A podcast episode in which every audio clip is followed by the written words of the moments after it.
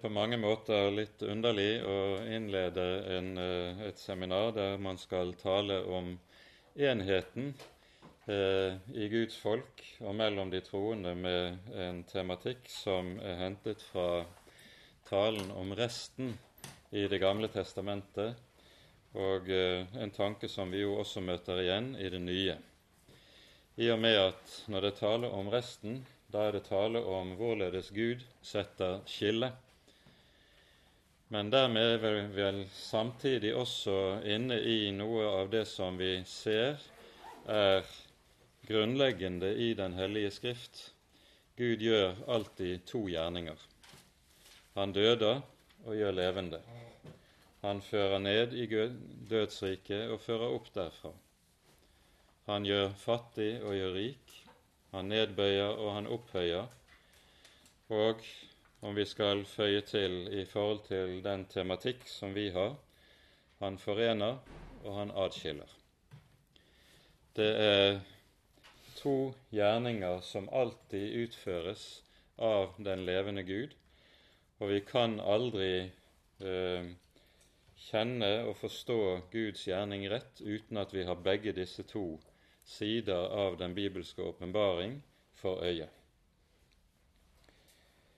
I Det nye testamentet er det i Romerbrevets eh, 9. til 11. kapittel vi hører Paulus ta opp talen om resten i Det gamle testamentet. Og Det problem som apostelen der eh, arbeider med, det er jo spørsmålet har Guds løfter til sitt folk Israel har de blitt oppgitt? Gjelder ikke de lenger? Og han svarer på dette at Herren har bevart en rest for sitt navn, nemlig i den lille rest av troende jøder og det er disse som da blir en stadfestelse på at Guds løfter fortsatt står fast, de løfter som er gitt og talt gjennom den gamle pakts tid. Vi skal komme tilbake til avsnittet i Romerbrevets niende kapittel etter hvert, men vi skal begynne hos profeten Jesaja, for det er der vi møter denne resttanken mest uh, tydelig og uttalt, selv om uh, hvis man går efter, så vil man finne tanken igjen gjennom hele Det gamle testamentet. Du møter begrepene som ligger til rot for uh, resttanken allerede i Første Mosebok. Du finner det igjen i Femte Mosebok når det taler om de domsgjerninger som Herren vil la ramme sitt folk dersom de bryter pakten. Bare en liten rest skal bli tilbake. Og Det er disse tekster, i, særlig i Femte Mosebok, som uh, der knyttes an imot hos profeten Jesaja. Allerede i det første kapittel hos Jesaja møter vi begrepet 'resten' i det niende verset. Her er det tale om et avsnitt som likesom utgjør inngangsportalen til hele Jesajas profetiske virke. Og Det er ikke tilfeldig at profeten da tar utgangspunkt i Mose avskjedssang, som vi finner i 5. Mosebok 32 der vi hører Moses ved innledningen til denne sangen ta himmel og jord til vitne. Og på samme måte så hører vi Jesaja gjøre det slik vi leser i vers 2. Hør, dere himler, og lytt, du jord, for Herren taler. Og Det som jo er tematikken i Mose avskjedssang, det er to ting. For det første taler Moses her om Herrens velgjerninger, Herrens store gjerninger til frelse for sitt folk. Og så på dette følger umiddelbart en tale om at Herren vet at når tiden kommer, så vil folket vende ham ryggen, de vil bryte pakten. Det lyder ikke som i kapittel 28 i 5. Mosebok hvis dere ikke lyder Herren deres Guds røst, da vil Herren gjøre slik og sånn. Men i 5. Mosebok 32 lyder det når du bryter pakten. Herren vet at så vil skje, og han varsler folket om dette, og dette møter da folket gjennom denne høytidelige forsikring. Lytt, dere himler, hør du jord på min, mitt vitnesbyrd. Og så knyttes det altså tilbake til dette, og nå sier profeten da Nå har nettopp det som Moses taler om i 5. Mosebok eh, skjedd, og så vil da også de dommer som Moses har forutsagt, komme til å ramme folket. Og I vers 9 leser vi da følgende.: Hadde ikke Herren, herskarenes Gud, latt det bli tilbake en liten rest av oss, da var vi som Sodoma, da lignet vi Gomorra. Og I dette så må vi si at her er det tale om et slags profetisk perfektum. Dette er enda ikke fullbyrdet, men nå ligger dommens tid forut for det gammeltestamentlige Guds folk. Det er jo slik at Det gamle testamentets profeter de er kalt for historiens stormfugler.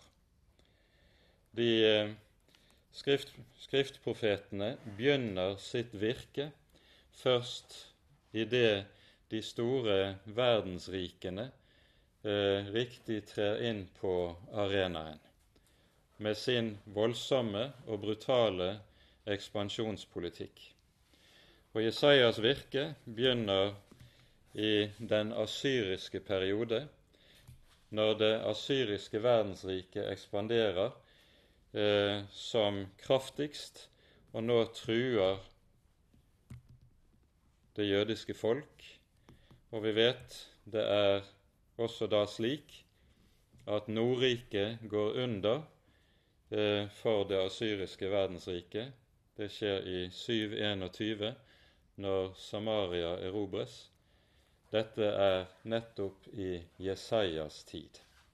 Han opplever og så å si er øyenvitne til denne katastrofen. Samtidig blir også det asyriske verdensriket en veldig prøve og en veldig trussel mot Sydriket. Vi har et langt avsnitt fra kapittel 36 til kapittel 39 eh, hos Jesaja, som dreier seg om hvorledes det asyriske riket flammer inn som en stormflod også i Sydriket, eh, og det er kun Jerusalem som så å si overlever denne stormfloden. Fordi kong Hiskia er en mann som har fulgt i Davids fotspor når det gjelder tro og gudsfrykt. Og Dermed så stadfestes allerede i Jesajas tid dette med at det kun er en liten rest som levnes. Jerusalem bevares midt i denne veldige katastrofen som rammer det øvrige av Guds folk. Jesajas tid er en meget avgjørende tid i det gammeltestamentlige Guds folks historie. Og jeg tror vi med full rett kan tale om at her er vi inne i et vendepunkt i den gammeltestamentlige åpenbaringstid. Og vendepunktet er det sentrale kapittel seks i Jesaja-boken. Her er det vi finner eh, Jesajas veldige åpenbaring. Han får skue inn i det himmelske tempel være vitne til den himmelske gudstjenesten, lytte til serafenes lovsang, og etter at han selv er renset, kommer ordet 'Hvem vil gå for oss?' Jesaja svarer 'Her er jeg, send meg', og så får han et budskap, som er et budskap som er kanskje det alvorligste som lyder i hele Det gamle testamentet. Og Vi leser i det sjette kapittelet hos Jesaja, fra vers 9. Herren sa, Gå av sted og si til dette folk, hør og hør, men forstå ikke. Se og se, men skjønn ikke.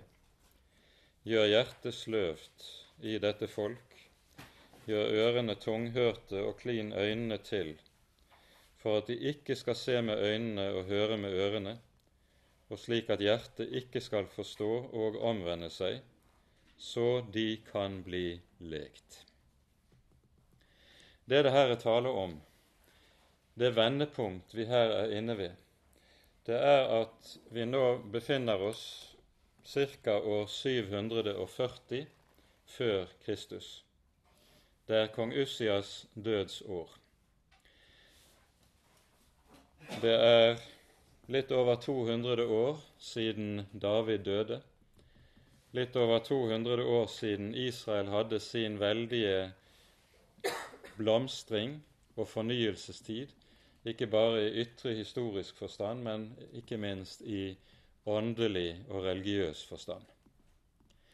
Men Israels historie har fra David og Salomo vært et eneste sammenhengende fall, der folket gradvis, i stadig sterkere utstrekning, vender Herren ryggen og forherder seg mot Hans ord og det budskap som er gitt folket å leve av og på.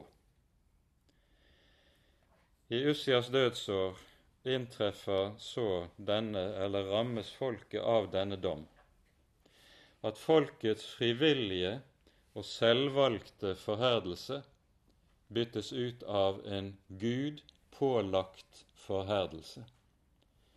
Slik at fra denne tid av så vil det være slik at Gud gradvis, i stadig sterkere grad, forherder folket. Og dette er altså en Guds dom. Denne Guds dom når sitt høydepunkt og sitt ytterpunkt på Jesu og apostlenes tid. Og Derfor hører vi disse versene som vi her har lest i, fra vers 9 og 10. De siteres en rekke ganger på helt avgjørende punkter i Jesu og apostlenes historie. De siteres først i Matteus 13 i forbindelse med disiplenes spørsmål 'Hvorfor taler du til folket i lignelser?' Og Jesus svarer 'For at de skal se og se og ikke skjønne, høre og høre og ikke forstå'. Lignelsene er tydeligvis i Jesu munn ikke en tale som er gitt for å, som skal være et pedagogisk middel som skal hjelpe folk til å forstå. Men lignelsene er en tale gitt fra Jesu munn som har det med seg at det setter et skille. De som hører, de skal forstå. De som ikke hører, for dem tjener lignelsene til å lukke øynene. Lignelsestalen, det er um, en måte å tale på som oppfyller ordene i, som lød ved Jesu fødsel. Denne er satt til fall og til oppreisning for mange i Israel. Lignelsestalen har denne rolle i Jesu undervisning. Disse versene siteres også i Johannesevangeliets tolvte kapittel som en oppsummering av Jesu virke og frukten av Jesu virke i Israel. Det står om ham i Den stille uke at etter at de siste stridssamtaler som hadde vært, der forherdelsen mot ham var blitt åpenbar, så står det han gikk bort og skjulte seg for folket. Altså, han taler ikke lenger. Og det at Gud tier, er jo i Skriften en dypt alvorlig domshandling. Og så siteres da disse versene fra Jesaja 6, som taler om hvorledes i møte med Kristus skjer oppfyllelsen av ordene. På tilsvarende måte hører vi også i apostelgjerningenes 28. kapittel, ved avslutten, der vi hører avslutningen av apostlenes beretningen om Paulus, at disse ordene siteres.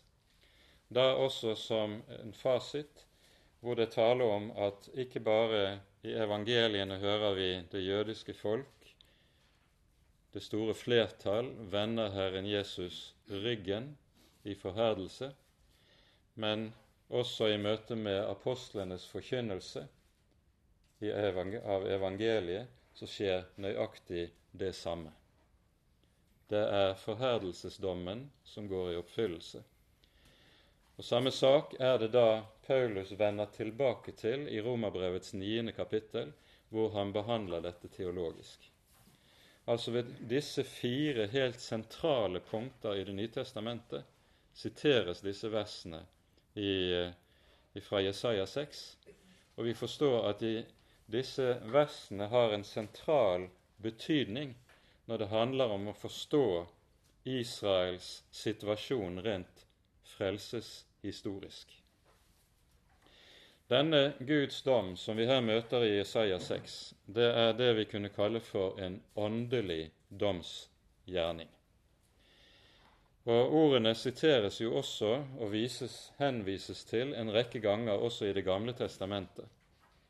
Ikke minst hos profeten Jeremia hører vi det henvises til Jesaja-profetien flere ganger, i det Jeremia tydelig ser det slik at i hans tid, under den dom som er i ferd med å ramme Sydriket, går disse ordene i oppfyllelse. Eh, og Det som da er iøynefallende når det gjelder Jeremias tid, det er at forherdelsesdommen ser ut til å effektueres av Gud gjennom de falske profeter. De falske profeters rolle er nettopp at de er de som virksomt er de som uh, bevirker til å øke denne forherdelse i folket.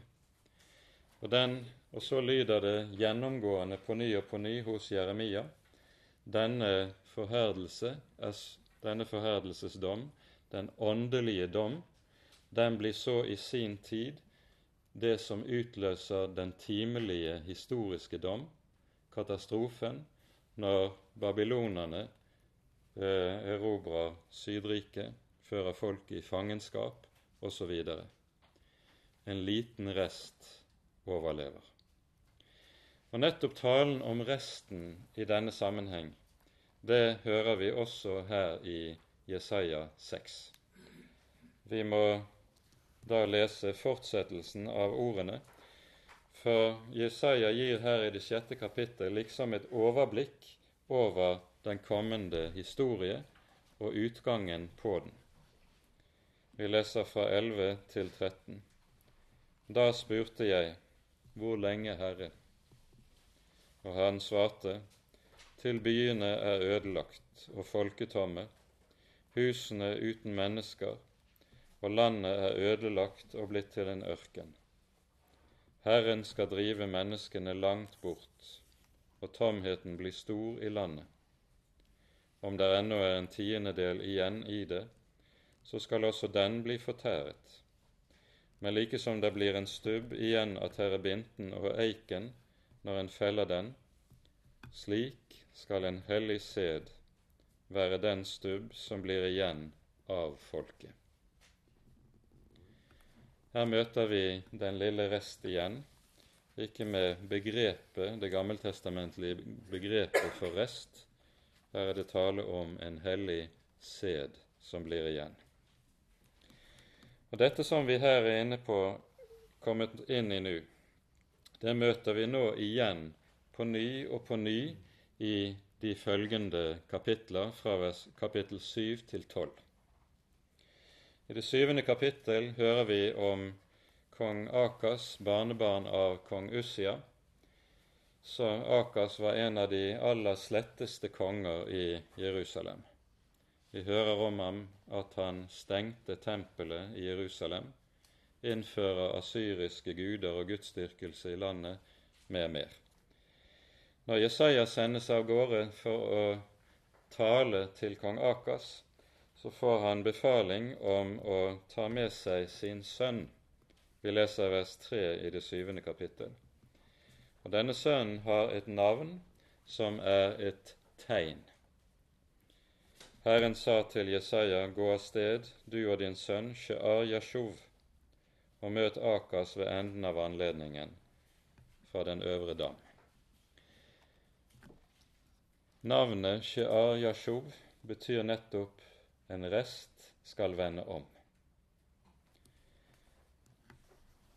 Og i det åttende kapittel vi hører, hører, vi om en annen sønn, og det sies så i det attende verset i det åttende kapittel at jeg og de barn Herren har gitt meg, er til tegn i Israel. Til tegn og forbilder fra Herren herskarenes Gud, som bor på Sions berg.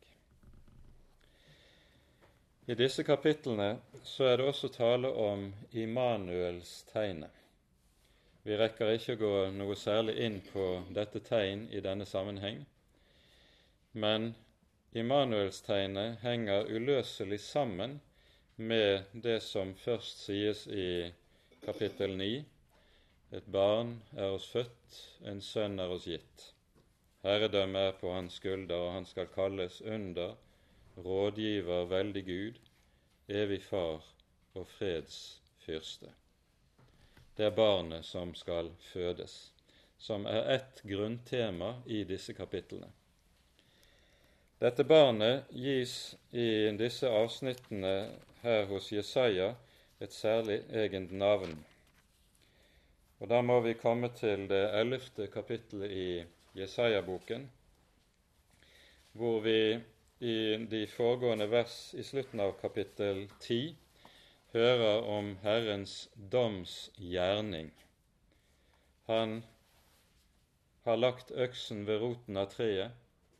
Han høgg og hogger ned Israels tre. Så det, slik som vi hørte det i kapittel 6, bare blir en stubbe tilbake av treet. Treet har ikke båret frukt, og så rammer dommen. Og så lyder det i vers 11.: Men en kvist skal skyte frem av Isais stubb, et skudd av hans rot skal bære frukt. Og så kommer budskapet om spiren. Altså samtidig med at det taler om at Herren utfører sin doms gjerning, og folket hogges ned så det ser ut som alt er slutt, så kommer løftet. Når det ser ut som alt er slutt, så skal en spire skyte frem av stubben. Han skal bære frukt. Så blir det fra denne tid av slik at navnet Spire er et sentralt Messias-navn i Gamle testamentet et navn som taler om hvorledes Gud er den som sender frelse i dommens tid. Gud er den som sender frelse til et folk som er under dommen. Det er det som ligger i hele bildet av spire. Hos Zakaria møter vi dette. Der skal komme en mann som heter Spire. Og så tales det om hvorledes landets misgjerning skal utryddes på én dag. Hos Jeremia hører vi i det 23. kapittel om han som kalles Spire, som fødes av Davids hus og skal være konge i Jerusalem, og det sies om ham dette er det navn han skal bære, Herren vår rettferdighet. Så det er et helt sentralt bilde som hermed Jesajas fører inn, og som de følgende profeter anvender i sitt i sin forkynnelse. Sentralordet når det gjelder resten i disse kapitlene hos Jesaja, finner vi i det tiende kapittel. Her leser vi slik i, fra vers 20 til 23. På den tid skal Israels rest og de som er sluppet unna av Jakobs hus, ikke fortsette å støtte, støt, støtte seg på ham som slo det, men de skal støtte seg på Herren, Israels hellige. Det det vises til her, er Akas som eh, tar sin tilflukt til det asyriske verdensriket når han angripes av nabokongedømmene, i stedet for å sette sin lit til Herren. Eh, så det, det er det som ligger bak her. Og så følger det en rest skal omvende seg, en rest av Jakob til den veldige Gud. For om ditt folk Israel er som havets sand, skal bare en rest av det omvende seg. Tilintetgjørelse er fast besluttet, en flom av rettferdighet. Her skal vi bemerke at ikke minst dette avsnitt, sammen med verset i Jesaja 6 og Jesaja 1,9, er det Paulus griper tilbake til i Romerbrevets niende kapittel når han taler om resten. Og vi må legge til et viktig poeng i denne sammenheng, det som står i vers 21. Det står at de skal omvende seg til den veldige Gud. Her bruker grunnteksten uttrykket El Gibor. Og det er nettopp et av de navn som barnet skal bære, som vi hører i Jesaja 9,6. Dette er det navn barnet skal bære under rådgiver veldig Gud.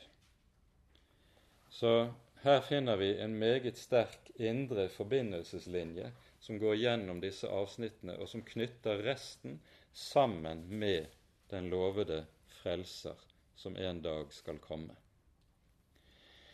Men dermed så skjønner vi altså også hvorledes eh, resttanken, talen om, er knyttet til talen om Guds domsgjerning, og denne er igjen knyttet til talen om den lovede Messias. Så her finner vi en temakrets som er helt sentral og blir mer og mer sentral ettersom vi leser videre ut gjennom hos de gammeltestamentlige profeter.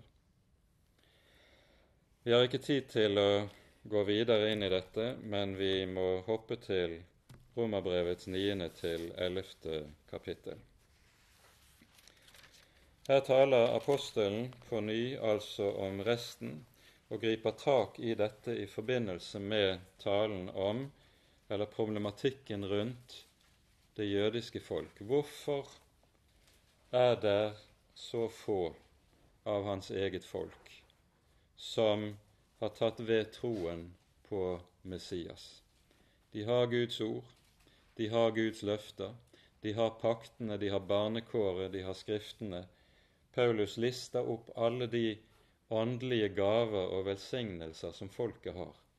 Hvorfor er det da gått slik at det likevel bare er en liten rest som har tatt ved troen og har sett hvem som er Herrens salvede? Det er problemet som det er tale om, og Paulus griper tilbake da til hele resttanken og ordene i Jesaja 6 om den Gud pålagte forherdelse. En forherdelse som kommer til å vare inntil et bestemt tidspunkt, som Paulus også taler om i det ellevte kapittel. Vi kan ikke tale utfyllende om dette, men vil ganske kort bare peke på det, slik at eh, dette er angitt. Vi leser fra vers 25 i Romerbrevets kapittel 11. Jeg vil ikke, brødre, at dere skal være uvitende om dette mysterium, for at dere ikke skal anse dere for selv for kloke. Forherdelse er for en del kommet over Israel inntil hedningenes fylde er kommet inn. Og slik skal hele Israel bli frelst, som det står skrevet. Fra Sion skal befrieren komme, han skal rydde bort ugudelighet fra Jakob. Og dette skal være min pakt med dem når jeg tar bort deres synder. Her er det altså tale om hvorledes der gis et løfte om at den gudpålagte forherdelse som Jesaja taler om, den skal en dag tas bort, og det jødiske folk skal da vende om. Um, og da er det antagelig slik at her knytter uh, Paulus til ganske særlig noen av de løfter som er talt gjennom profeten Sakarias i de avsluttende uh, kapitler i Sakarias-boken, uten at vi har tid til å gå nærmere inn på dette. Paulus gjør et grep i eh, det niende kapittelet i Romerbrevet som har stor betydning for forståelsen av det som har med forherdelsen å gjøre. Eh, han knytter det sammen med en annen tanke som utlegges videre i, ganske særlig i Galaterbrevet. Og Da må vi gå til det niende kapittel, der vi leser fra vers 6 følgende. Ikke så at Guds ord skulle ha slått feil, for ikke alle som stammer fra Israel, er virkelig Israel.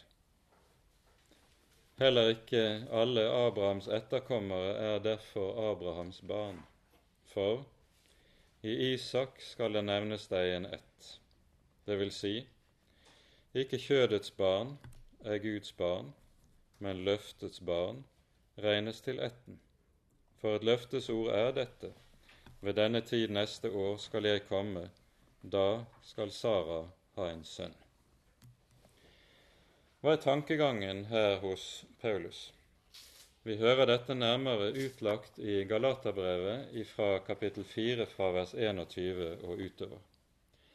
Her taler eh, Paulus om eh, Abrahams to sønner, Isak og Ismail. Og han kaller Ismail for den som er født ifølge kjødet. Isak er den som er født ifølge løftet. Og Tankegangen hos Paulus er at disse to Abrahams sønner de illustrerer og legemliggjør to slags religiøsitet, om man så vil, to slags kristendom. Den ene etter kjødet, den andre etter løftet. Og når han anvender bildet med Abrahams to sønner, er jo det ikke tilfeldig. Og Da må vi gå inn i beretningen i Første Mosebok. Abraham fikk kallet fra Herren, slik vi leser det i Første Mosebok 12. Dra bort fra ditt land, fra ditt folk, fra din fars hus, til det land jeg vil vise deg. Og jeg vil gjøre deg stor, jeg vil gjøre ditt navn stor. Og så lyder det til slutt, i deg skal alle jordens slekter velsignes. Abraham er 75 år gammel når han får kallet og løftet. Og Abraham og Sara er barnløse. De bryter opp, drar til det land Herren vil vise dem. Og så skulle en jo da forvente at Herren ville oppfylle det løftet han hadde gitt. For forutsetningen for at løftene skal gå i oppfyllelse, er jo at Abraham og Sara må få en sønn. Men det ene år følger på det annet, og de får ingen sønn. De ser ikke det minste tegn til at Herren vil oppfylle sitt løfte. Og Når Abraham er 85 år gammel, så har dette antagelig blitt en anfektelse som har vært så vanskelig for ham at han, han og Sara har tydelig talt om saken. Og så tenker, tenker de som omtrent som følger Kanskje Gud har ment vi skal gjøre noe selv. Kanskje Gud har ment vi skal gjøre noe selv. Og som tenkt, så gjort.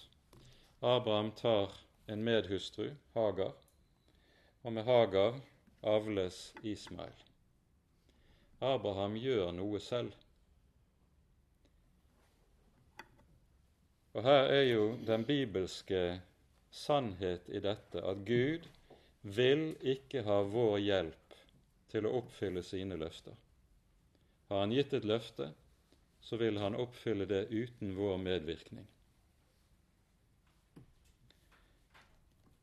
Ismael er født et, ifølge kjødet. Han er født nemlig som en frukt av at noen gjorde noe selv. Så går årene videre.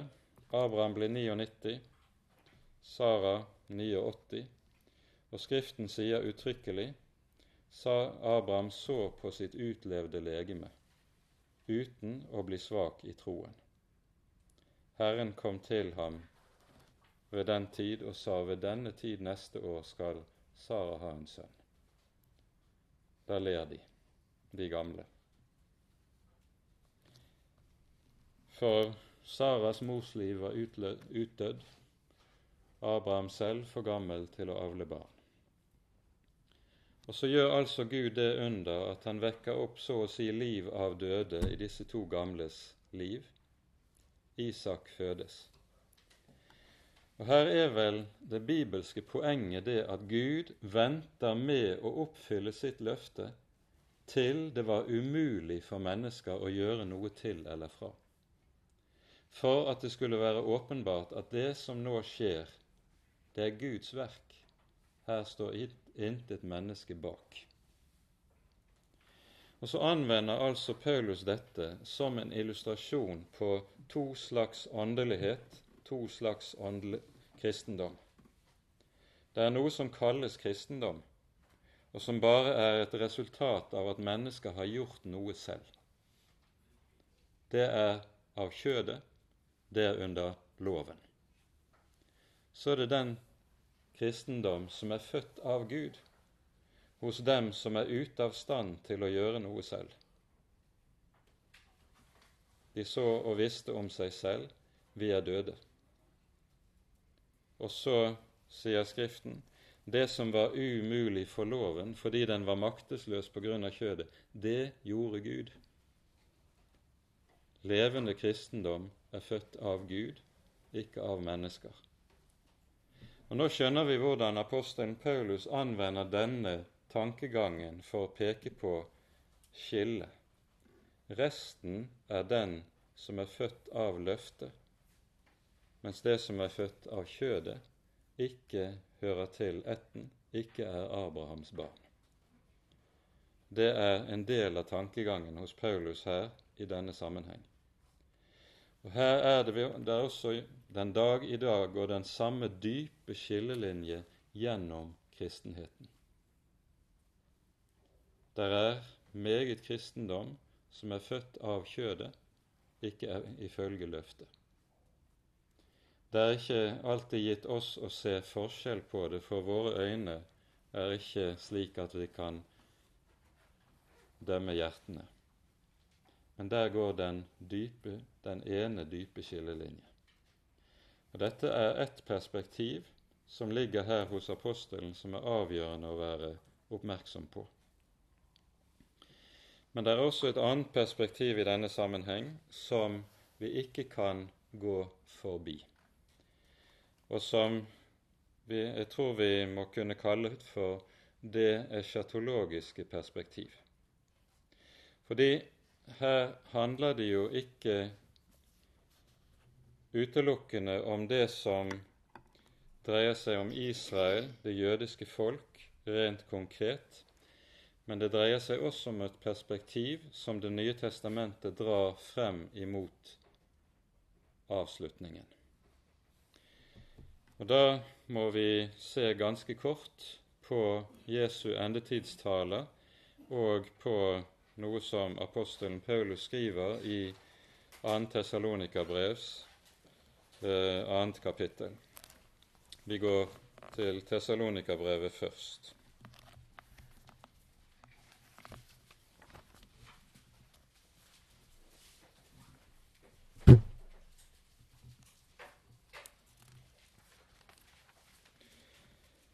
De, mange av dere vil være kjent med hva som er sammenhengen som apostelen skriver dette brevet inn i. Eh, bakgrunnen for brevet er at det har opptrådt predikanter i Tessaloniki som har talt på en slik måte om Jesu gjenkomst at eh, de sier dette er noe som er så umiddelbart forestående at det har egentlig ingen hensikt å leve et vanlig menneskelig liv lenger. Så forlater noen av disse som hører menigheten til, sitt arbeid. De gjør ikke sine daglige plikter lenger, verken i arbeid eller i familie. Og eh, det blir en overspent eh, entusiasme som kommer til å gjøre seg gjeldende i forsamlingen, som er dypt usunn og dypt usann. Og Så skriver Paulus følgende i kapittel 2 om den inn i denne eh, sammenheng. Vi ber dere, brødre, når det gjelder vår Herre Jesu Kristi komme og vår samling med Ham, la dere ikke så snart drive fra vett og sans. La dere ikke skremme verken ved noen ånd, eller ved noe ord eller ved noe brev som sies og kommer fra oss, og som går ut på at Herrens dag allerede er. La ingen bedra dere på noe vis, for først må frafallet komme, og lovløshetens menneske åpenbares, fortapelsens sønn. Han er den som står imot, og som opphøyer seg over alt som blir kalt Gud eller helligdom. Og Så hører vi her et avsnitt der Paulus taler om den kommende antikrist. Og Poenget hos Paulus i denne sammenheng er at når han taler om dette, så sier han hans fremtreden blir forberedt ved det som kalles for frafallet. Først må frafallet komme. For at det skal være et frafall, så må det finnes en kristen kirke som kan falle fra.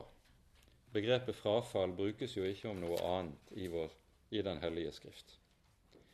Så Det Paulus taler om, er at det er en kristenhet, det skal være en kristenhet og en kristen kirke, som faller fra, og dette frafall bereder da grunnen for han som kalles for antikrist. Frafallet beskrives nærmere i, når vi kommer utover vers 7. Eh, vi leser videre her. Lovløshetens hemmelighet er allerede virksom, bare at det som nå holder igjen, må tas bort. Da skal den lovløse åpenbares, han som Herren Jesus skal ødelegge med sin munns ånde, og tilintetgjøre når hans gjenkomst åpenbares i herlighet. Jesus taler om samme sak i eh, Matteus 24, der han sier fordi urettferdigheten tar overhånd, skal kjærligheten bli kold hos de fleste. Han sier altså ikke bare hos noen, men han sier hos de fleste. Og Det er vel antagelig det samme Paulus taler om når han taler om frafallet. Og vi leser så ifra vers 9. Den lovløse kommer etter Satans kraftige virksomhet, med all løgnens makt og tegn og under. Det skjer med all urettferdighetens forførelse blant dem som går fortapt, fordi de ikke tok imot kjærlighet til sannheten så de kunne bli frelst. Derfor sender Gud dem kraftig villfarelse, så de tror løgnen, for at de skal bli dømt, alle de som ikke har trodd sannheten, men hadde sitt behag i urettferdigheten. Det det ser ut til at apostelen Paulus her gjør, det er at han griper tilbake til det vi møter i kapittel 6 i Jesaja-boken, der det taler om en tid der eh, en selvvalgt forherdelse og frafall fra Guds åpenbaring byttes ut med en gudpålagt åpenbaring. Dette er noe som gjelder i Guds folk Israel. Nå ser det ut til at apostelen her anvender dette som vi leser i Jesaja 6, som et forbilde på hva som vil komme til å skje med hele den kristne kirke henimot historiens avslutning. Da vil det også være tale om et frafall som har denne dype karakter at det må sies at det er den levende Gud selv som sender kraftig villfarelse. Det er altså en tale om en forherdelse som pålegges av den levende Gud selv. I denne tid blir det en liten rest tilbake. I denne tid blir det en svær tid for Guds folk, det rette Guds folk, slik som Herren Jesus har talt om i sine endetidstaler. Og vi forstår og vi ser at det som er det avgjørende kjennetegn på det rette Guds folk, det er det som omtales her i det tiende verset. Takk skal du ha. Det står at de tok ikke imot kjærlighet til sannheten. Et av de grunnleggende kjennetegn ved Guds folk er nettopp dette som heter og kalles kjærlighet til sannheten. Derfor kalles Guds ånd også for sannhetens ånd, og de som eier sannhetens ånd, de eier den samme kjærlighet til sannheten. Det er dette som blir den lille rest når vi går hen imot historiens avslutning, og det er det som vil bli Guds folks situasjon når disse tider nærmer seg.